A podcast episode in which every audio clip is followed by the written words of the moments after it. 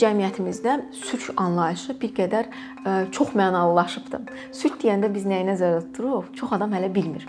Ə, sülh hər yerdədir. Evimizin içindədir, məktəbdədir, dostlarımızın arasındadır, qonşularımızın arasındadır, icmamızın içindədir. Sülh hər yerdədir. Və biz sülh içində yaşamaq üçün ilk öncə evimizdən, bağçamızdan, məktəbimizdən, icmamızdan başlamalıyıq. Və icmanın sülh içində yaşaması üçün onun ən azından gözləntiləri, qorxuları qarşılanmalıdır.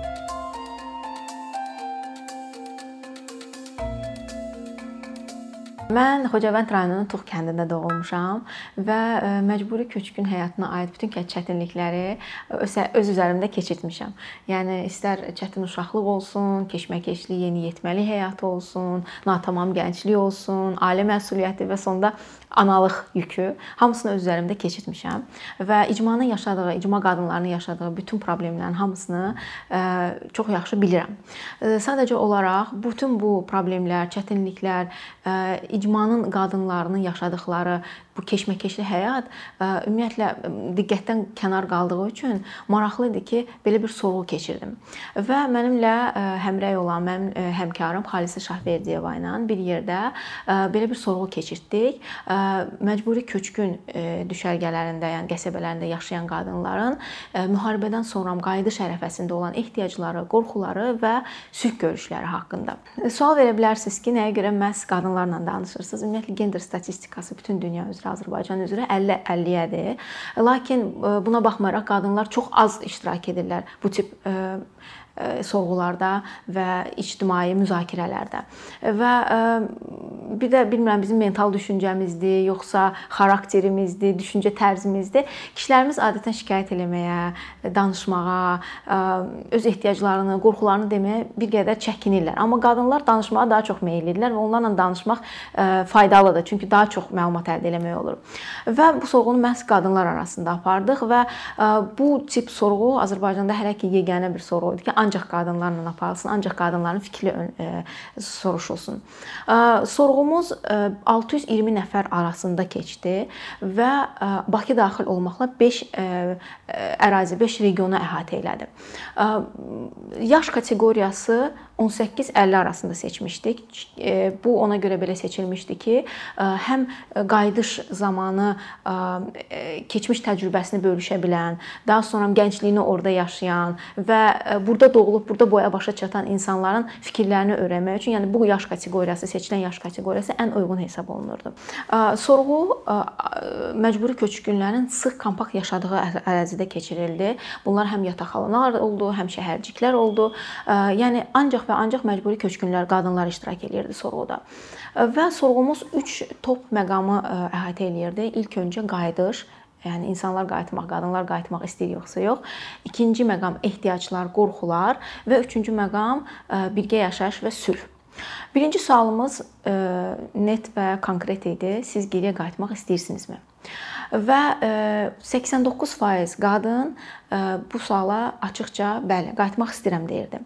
Geridə qalanlar bir qədər düşünürdü, tərəddüd eləyirdi, bilmirəm cavabını verirdi və çox az bir faiz də qayıtmaq istəmirəm deyirdi. Qayıtmaq istəməyənlərin özlərinə aid obyektiv və subyektiv səbəbləri var idi. Məsələn, gənclər söylürdülər ki, biz artıq burada işləyirik, biz artıq burada bir ortam qurmuşuq, dostlarımız var, ətrafımız var. Mən qayıtmaq istəmirəm. Amma yaşlı kateqoriya söylürdülər ki, mənim uşaqlarım burada yaşayır, artıq onların öz e, dostları var, evləri var, eşikləri var. Mən uşaqlarımı burada qoyub tək özüm qayıtmaq istəmirəm. Amma böyük əksəriyyət e, yəni tək bir mənalı olaraq qayıtmaq arzusunu bildirirdi. O zaman biz onlara belə bir sual verdik ki, bəs yaxşı, qayıdandan sonra öz həyatınızdan gözləntiniz nədir? E, yəni nə gözləyirsiniz? Həyatınız necə dəyişiləcək? Böyük əksəriyyət söylədi ki, bizim e, əhval-ruhiyyəmiz çox yaxşıdır, gözləntilərimiz çox yaxşıdır, bizim həyatımız daha yaxşı, pozitiv tərəfə e, dəyişiləcək. Və biz o zaman onlara sual verdik ki, bəs hansı qorxularınız var? Bir qədər düşündükdən sonra onlar 3 əsas əsas məqam söylürdülər. Birinci partlamamış minalar və silahlı toqquşmaların təkrar olunması, yəni ümumilikdə təhlükəsizlik. Yəni insanlar, qadınlar öz təhlükəsizliyinə görə çox narahat idilər. Söyləyirdilər ki, biz qayıtdıq. Bəs biz bilirik ki, bu ərazilər hamısı minalarla doludur. Minaların xəritəsi hələ tam məlum deyil. Bəs onda necə olacaq? Bizim təhlükəsizliyimiz nə dərəcədə qorunacaq? Bütün bunların hamısı sual yaradırdı. Daha sonra qadınların narahat olunduğu ikinci məqam maddi təminat və iqtisadi məsələlərdir. Məsələn, fikirləşirdilər ki, biz burada müəyyən qədər işimiz, gücümüz, hansısa bir təminatımız var, dövlət bizə dəstək verir. Bəs biz orada qayıdandan sonra necə olacaq? Harda işləyəcəyik?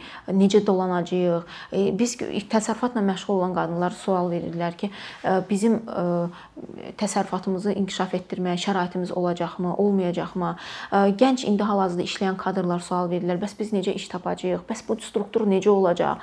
Bütün bunlar hamısı qadınlar içərisində bir qorxu yaratmışdı və sonuncu məqam mənzil şəraiti, kommunal məsələlər, yeni mühitə uyğunlaşma. Bəziləri bilir, bəziləri amma bilmir. Bu yeni salınan qəsəbələrdə və şəhərciklərdə mənzil şəraitindən o qədər də insanlar razı deyildilər. Təmir ya keyfiyyətli təmir deyildi. İnsanlar söyləyirdilər ki, biz bir qədər yaşayandan sonra təmir artıq divarlar sökülüb tökülürdü. Daha sonra ən vacib məqamlardan biri sanitar qovşağın evdən bir qədər kənarda olmasıdır və ümumiyyətlə evlərin e, şəhərciklərin çoxsunda hamam tikilməmişdi. Və qadınlar söyləyirlər ki, biz e, onsuz da çətin e, şəraitdə yaşayırdıq və biz gəldik, köçdük evə və gördük hamam yoxdur. Məcbur olub uşaqlarımızı evdə çimizdirirdik. Tualet suyu ilə təmin olunmamışdı, evdən bir qədər uzaqda idi. Təzədən ya su çəkirdik, ya su daşıyırdıq. Yəni bu məişət qayğılarının əsas yükü də qadınların üstündə idi və qadınlar qorxurdular ki, yenidən köçdükləri evlərdə yenə eyni problemlər yaşasınlar. Yəni indi artıq bunlar bir təhər öz şəraitlərini düzəldiblər. Amma köçüb gedəndən sonra yeni yerdə hansı çətinliklər olacaq? Bax onlar bunların içində bir qədər qorxu yaradır, yaşadırdı. Sorğunun ehtiyac hissəsinə çatanda qadınlar söylədilər ki, onların əsas əsasən 3 ehtiyac üç böyük ehtiyacı var. Bunlar birinci iş yerlərindən e, təmin olunması, ikincisi hansısa bir maddi dəstək, üçüncüsü isə e, psixoloji dəstək. Demək, e, qadınlar fikirləşirlər ki, biz köçüb gedəcəyik, amma məşğulluq məsələsi bizim ən böyük ehtiyaclarımızdan biridir. Biz köçdük, getdik. Bəs sonra nə olacaq? Nə işlə məşğul olacağıq? Ailəmizi, uşağımızı necə dolandıracağıq? Necə kömək edəcəyik ailəsi, ailəmizə? Elə qadınlar var idi ki, balaca təsərrüfatları var idi. Cücə saxlayırlar, toyuq saxlayırlar, iri buynuzlu, kiçik buynuzlu heyvanlar saxlayırlar saxlayırlar. Onlar e, artıq o yaşadıkları yerdə müəyyən otlaq sahələri var.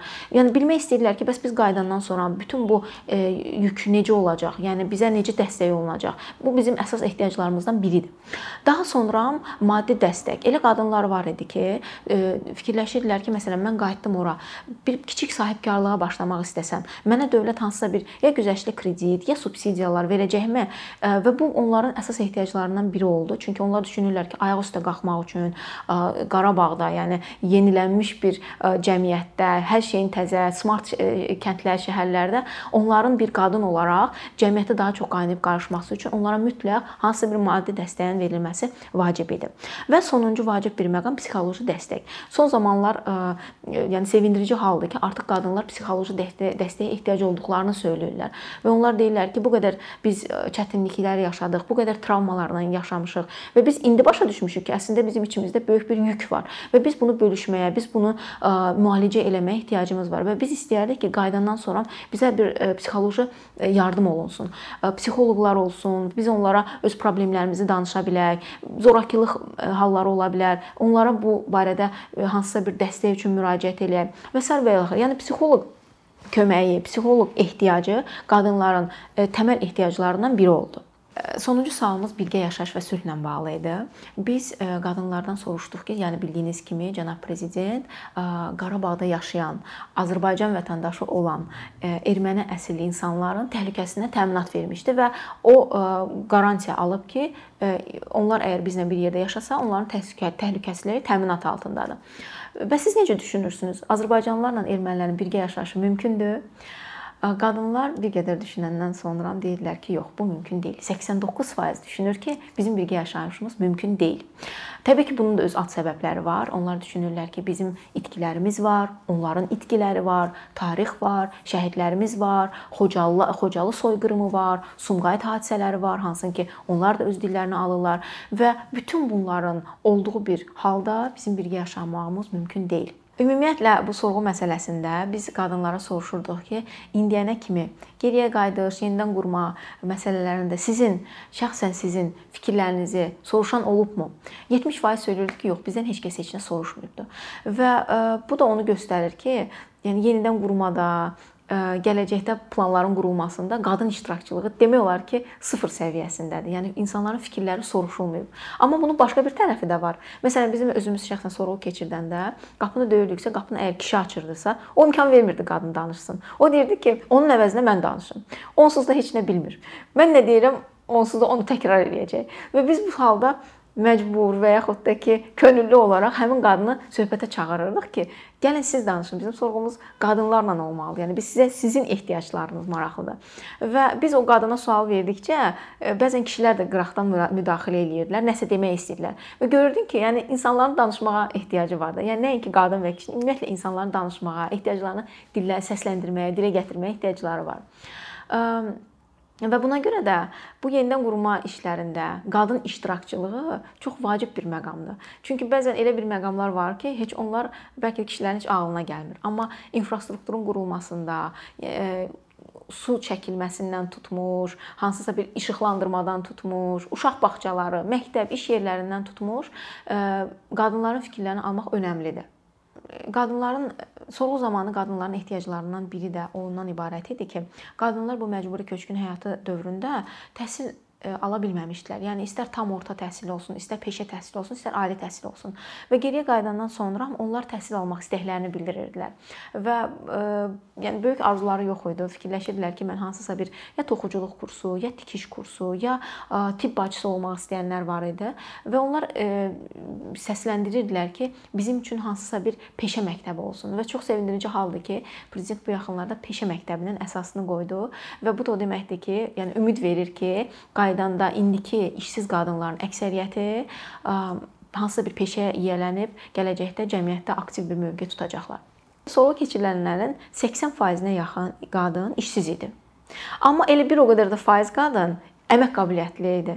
Yəni nə qədər ki əmək qabiliyyətli qadınlarımız var idi, bir o qədər də işsiz qadınlarımız var idi. Bu deməkdir ki, işsizlik yəni böhran həddindədir də, yəni ə, iş tapmaq mümkün deyil və yaxud da ki, lazımi bacarıqları yoxdur və bu bacarıqlara inkişaf elətdirmək üçün onlara şərait lazımdır. Mən əminəm ki, biz geriyə qayıdandan sonra bütün infrastruktur, şəhərlər, kəndlərdə çox böyük e, işçi ehtiyac olacaq.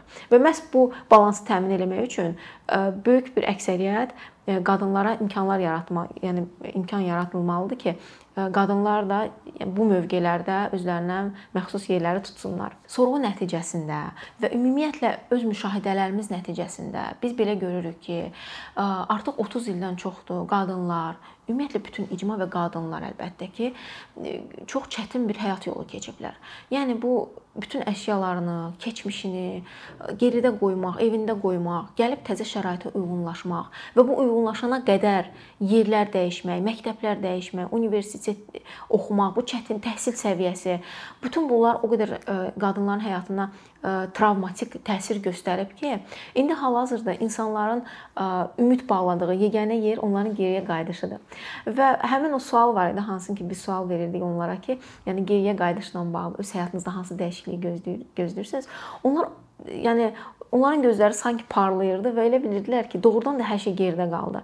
Və bu bir qədər psixoloji moment də var. Yəni uşaq olaraq öz kəndindən çıxan indi elə fikirləşir ki, kəndinə qayıdanda yenə həmin uşaqlığına qayıtmış olacaq. Şəxsən mənim özümdə bu düşüncə var ki, məsələn, mən elə bilirəm ki, mənim hələ də oyuncaqlarım ordadır.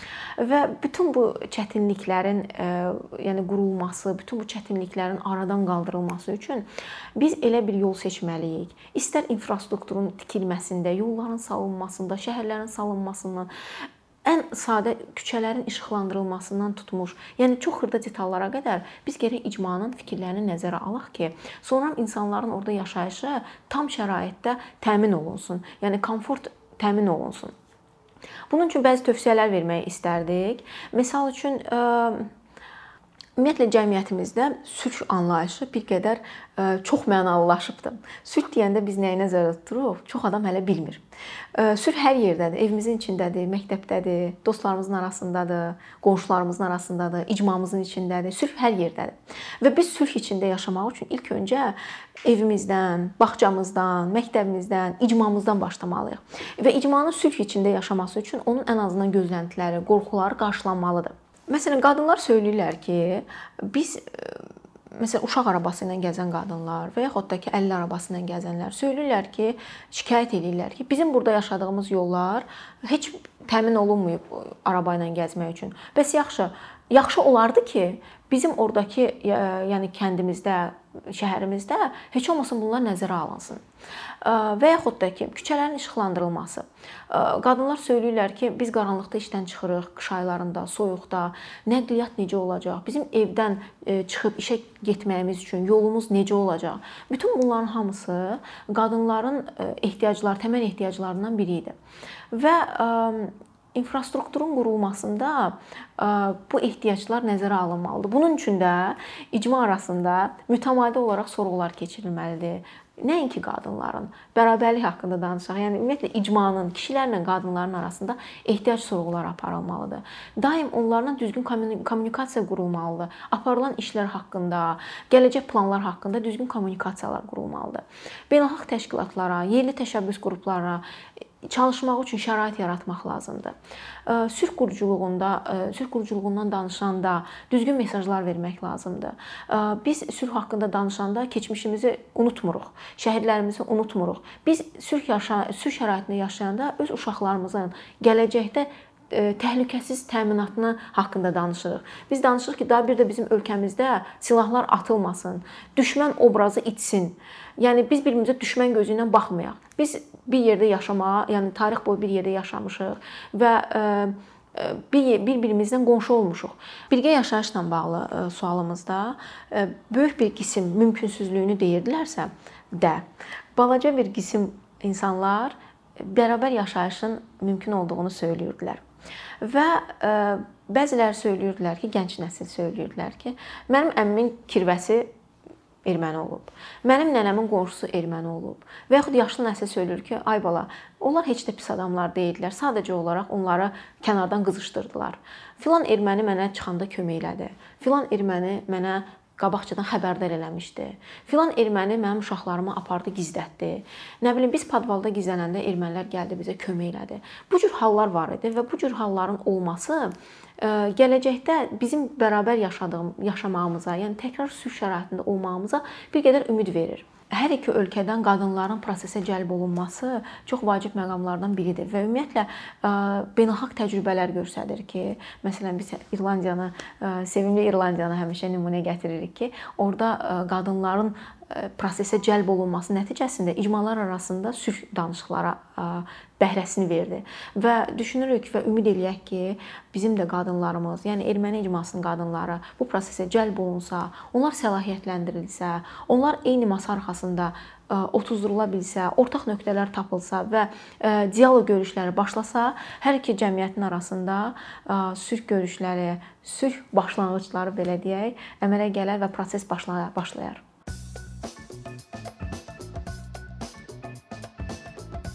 Bir neçə ildir ki, əkinçi olaraq azərbaycanlı izləyicilərin hər zaman faydalana biləcəyi keyfiyyətli və ən əsas ödənişsiz kontent hazırlamağa çalışırıq. İndiyədək təqdim etdiyimiz onlarla animasiya və yüzlərlə çəkilişlər tələbələrin, mütəxəssislərin, müəllimlərin və ümumiyyətlə yeni mövzulardan xəbərdar olmaq istəyən çox sayda insanın marağına səbəb olub. Bu illər ərzində hazırladığımız videolar təhsil, texnologiya, ictimai fəallıq, iqtisadiyyat, gender bərabərliyi, ətraf mühit, ifadə ifadə azadlığı, hüquq, demokratik inkişaf, mədəniyyət və digər mövzuları əhatə edib. Məqsədimiz çoxlu baxış gətirən deyil, çoxlu fayda gətirən videolar hazırlamaqdır. Amma bu düşündüyümüz qədər asan deyilmiş. Gördüyümüz iş kifayət qədər resurs, əmək və təbii ki, davamlılıq tələb edir. Bu səbəbdən Patreon platformasından istifadəyə başladıq. Əkinçinin Patreon hesabının populyarlaşmasına çox böyük ümidlərimiz və gözləntilərimiz var. Bəziləriniz Patreon haqqında ilk dəfə eşidirsiniz. Əslində çox sadə izahı olan bir platformadır. Təsəvvür edin ki, siz rəssam və ya musiqiçisiniz. Sosial şəbəkələrdə sizi izləyən, işinizi bəyənən çox sayda insan var. Patreon platforması sizə imkan verir ki, izləyicilərinizin könüllü aylıq ödənişləri sayəsində işinizi davam etdirəsiniz. Sərgi, konsert zallarından asılı qalmayasınız. Amma bu təkcə rəssam və musiqiçilərə aid deyil. Məsələn, əkinçiyə bənzər fəaliyyətlə məşğul olan bəzi layihələrin 10 minlərlə patronu var. Biz də düşündük ki, nə üçün əkinçinin Patreon hesabı olmasın? Sizin dəstəyiniz sayəsində biz daha çox və daha keyfiyyətli kontent yaratmağa davam edə biləcəyik. Amma bu dəstək yalnız maddi dəstək deyil. Dəstəkçilərimizin sayının artması gördüyümüz işlərin faydalı olduğuna dair əminlik verir. Patreon platformasından istifadə çox sadədir. Hesabınızı açırsınız, sizə uyğun dəstək növünü seçirsiniz və Patreon özü hər ayın ilk günü kartınızdan seçdiyiniz dəstək növünə uyğun ödəniş tutur. Bu qədər. Sonda onu demək istəyirik ki, dəstəkçilərin sırasına qoşulmaq istəyən, amma məhdud imkana görə bunu edə bilməyənlər narahat olmasın. Daha öncə dediyimiz kimi, bizim əsas məqsədimiz daha çox insanın hər zaman faydalana biləcəyi keyfiyyətli və ödənişsiz kontentin yaradılmasıdır. Bunun üçün mütləq patronumuz olmalısınız deyə məcburiyyət yoxdur. Amma imkanınız patron olmağa çatırsa və bizim işimizi bəyənirsinizsə, patronlarımızın sırasına qoşulmağınız bizim üçün çox önəmlidir.